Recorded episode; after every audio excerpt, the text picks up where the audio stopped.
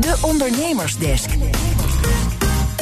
Heulen met de vijand vandaag in de ondernemersdesk. Groei, niet groei, maar krimp zou ons moeten redden, volgens sommige economen. Connor Klerks gaat erover in gesprek met Kees Klomp van Thrive Institute.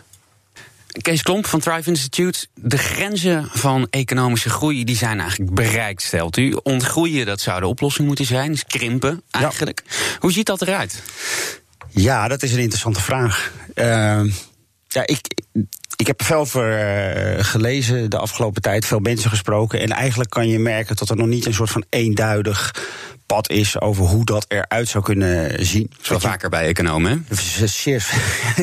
ja, dat is een, uh, een constante, zou je zelfs kunnen zeggen.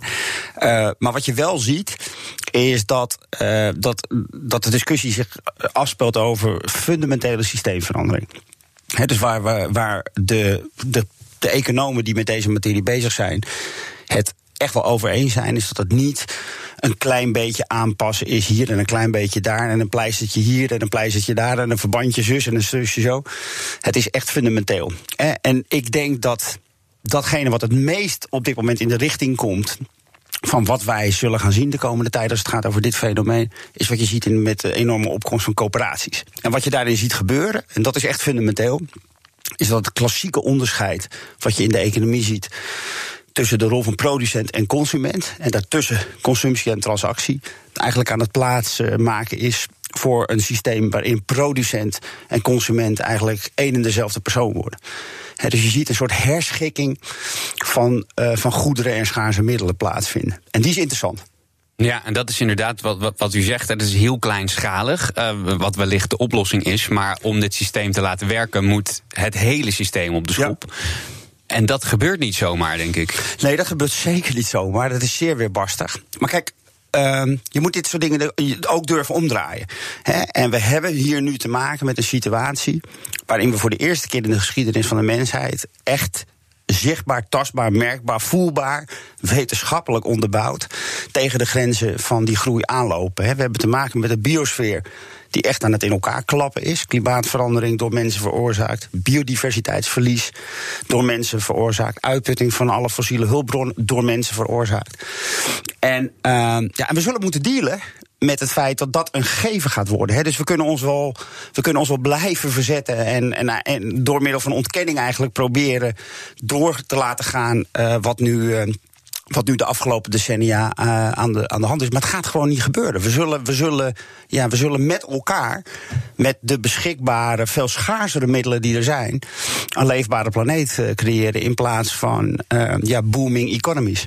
Maar even heel praktisch, hè. ik denk dat dat nodig is om mensen te overtuigen. Is denk ik de belangrijkste vraag die dan gesteld gaat worden: is wat gebeurt er met mijn geld? Ik ja. bedoel, mensen werken, die betalen huur, betalen hun zorgkosten.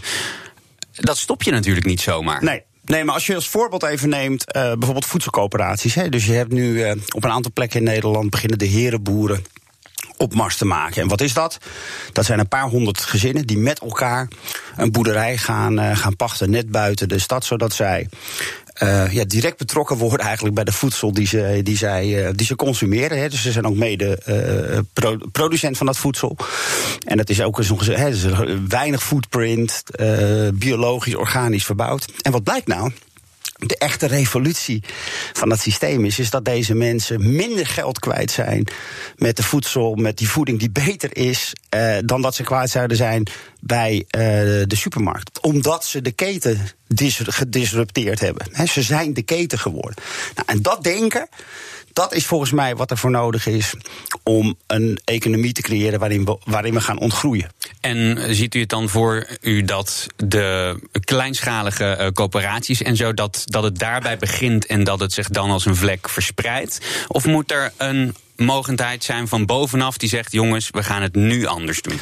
Nou ja, ik denk eerlijk gezegd dat het en-en is. Hè, maar wat je wel ziet. Maar wie kan dat dan? Nou Want er is geen land, eh, zelfs Amerika nee. of China, kan dit niet in hun eentje doen. Nee, nou ja, kijk, waar we, uh, wat je ook ziet gebeuren tegelijkertijd met deze ontwikkeling, is ook de enorme impact uh, zien van het neoliberale systeem waar we de afgelopen 75 jaar in hebben geleefd. er, is, er is een ontzettende uh, intensieve, intense uh, versmelting van het publieke en het private domein ontstaan. Veel van de politiek, veel van het publieke domein is eigenlijk verwoorden tot het economische domein. ik zeg wel eens gekscherend: we hebben geen regering in Den Haag, we hebben één groot ministerie van Economische Zaken.